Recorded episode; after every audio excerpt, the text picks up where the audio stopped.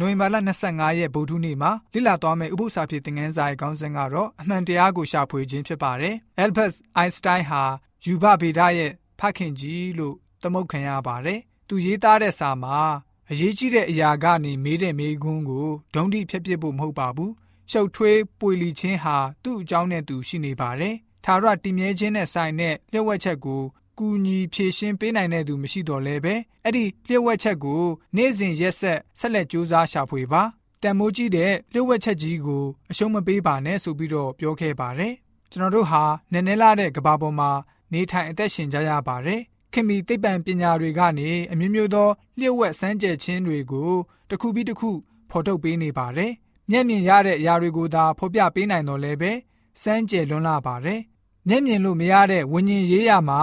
အဲ့ဒါထက်ပိုပြီးတော့စမ်းကြံနေတာရှိပါတယ်အဲ့ဒါတွေထက်ပိုပြီးတော့စမ်းကြံနေတာတွေရှိနေပါတယ်ယေရမိနာဂတိကျမ်းခန်းကြီး29ငွေ73ရှမသက်ခရစ်ဝင်ခန်းကြီး9ငွေ9တမန်တော်ဝတ္ထုခန်းကြီး19ငွေ26ငွေ29ဆန်လကျမ်းခန်းကြီး25ငွေ9ရှမ်းခရစ်ဝင်ခန်းကြီး16ငွေ73ရှမ်းခရစ်ဝင်ခန်းကြီး19ငွေ19ကိုဖတ်ပါမယ်ငါကိုရှာသောအခါစိတ်နှလုံးအကျွင်းမဲနှင့်ရှာလင်တွေးကြလိမ့်မည် တောင်းကြလော့တောင်းလင်ရမည်ရှာကြလော့ရှာလင်တွေ့မည်တကားကိုခောက်ကြလော့ခောက်လင်ဖွင့်မည်ဖျားသခင်သည်မြေတပြင်လုံး၌နေရသော လူအမျိုးမျိုးတို့ကို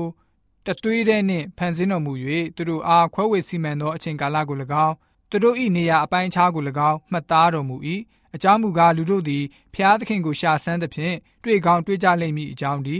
တို့ဆိုတော်လဲဖျားသခင်သည်ငါတို့တွင်အဘယ်သူနှင့်မျှဝေးတော်မူသည်မဟုတ် ကိုတော်ဤတမန်တရားကိုပြ၍အကျွန်ုပ်ကိုတွင်တင်တော်မူပါအကြောင်းမူကားကိုတော်သည်အကျွန်ုပ်ကိုကယ်တင်သောဖျားသခင်ဖြစ်တော်မူ၏ကိုတော်ကိုအစဉ်မျှော်လင့်လျက်နေပါ၏တမန်တရားနှင့်ပြည့်စုံသောထိုဝိညာဉ်တော်သည်ရောက်လာသောအခါတမန်တရားကိုသင်တို့အားအကျွမ်းမဲ့တွင်တင်ပြသလိမ့်မည်ထိုဝိညာဉ်တော်သည်ကိုယ်အလိုလျောက်ဟောပြောမည်မဟုတ်ကြားသမျှတို့ကိုဟောပြောလိမ့်မည်နောင်လာလက်တန့်သောအရာတို့ကိုလည်းသင်တို့အားဖော်ပြလိမ့်မည်ကိုတော်ဤတမန်တရားအဖျင်သူတို့ကိုတန်ရှင်းစေတော်မူပါကိုတော်ဤနှုတ်ကပတ်သည် တမာတရားဖြစ်ပါ၏ဆိုပြီးတော့ဖော်ပြထားပါတယ်။တမာကျမ်းစာရေးသားတဲ့ခေတ်မှာကျွန်တော်တို့ခေတ်လိုပဲတောကရှုပ်ထွေးပူလီတဲ့လူတွေရဲ့အသက်တာအကြောင်းများစွာကိုရေးသားထားပါတယ်။ဘဝအကြောင်းအတွက်မေခွန်းထုတ်စရာများစွာရှိခဲ့ကြပါတယ်။ကြောင်းရွနေရတဲ့အကြောင်းမျောလင့်ချင်းမဲ့နေရတဲ့အကြောင်းပြီးတော့ပျော်ရွှင်မှုစားတဲ့လူတွေရဲ့ရှိတဲ့အကြောင်းအရာတွေများစွာအထဲမှာ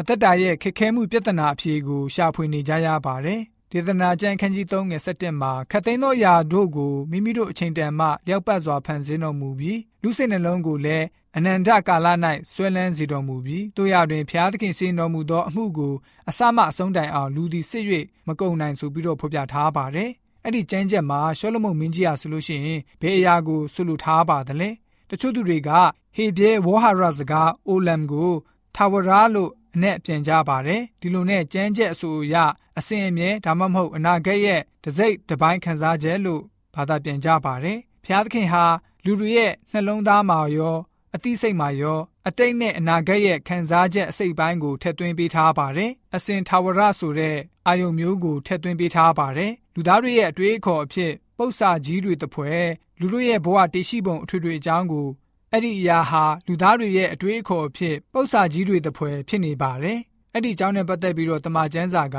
အဓိကကဏ္ဍအဖြစ်ပါဝင်လာပါတယ်။ကျွန်တော်တို့ဟာဘယ်သူဘယ်ဝါတွေဖြစ်တယ်ဒီကဘာကိုဘယ်လိုမျိုးရောက်ရှိလာခဲ့သလဲပြီးတော့ဘယ်လိုမျိုးအသက်ရှင်နေထိုင်သင့်တယ်လဲကျွန်တော်တို့သိပြီးသွားတဲ့နောက်ဘာတွေဆက်ဖြစ်အောင်မလဲမကောင်းမှုနဲ့ဒုက္ခပြဿနာတွေဘာကြောင့်ရှိနေရတာလဲရာဇဝင်တမိုင်းအစအဦးကတည်းကအဲ့ဒီပု္ပ္ပာတွေဟာအမှန်တရားရှာဖွေသူတွေဖို့ရှိနေပြီးသားဖြစ်ပါတယ်အမှန်တရားကိုရှာဖွေနေတဲ့သူတွေကိုကူညီဖြေကြားပေးနိုင်မှုကတော့ခရိယန်ပညာရေးစနစ်ကနေကျင့်သုံးတဲ့နှုတ်ကပတ်တော်ရဲ့ ဖော်ပြချက်များအဖြစ်သာ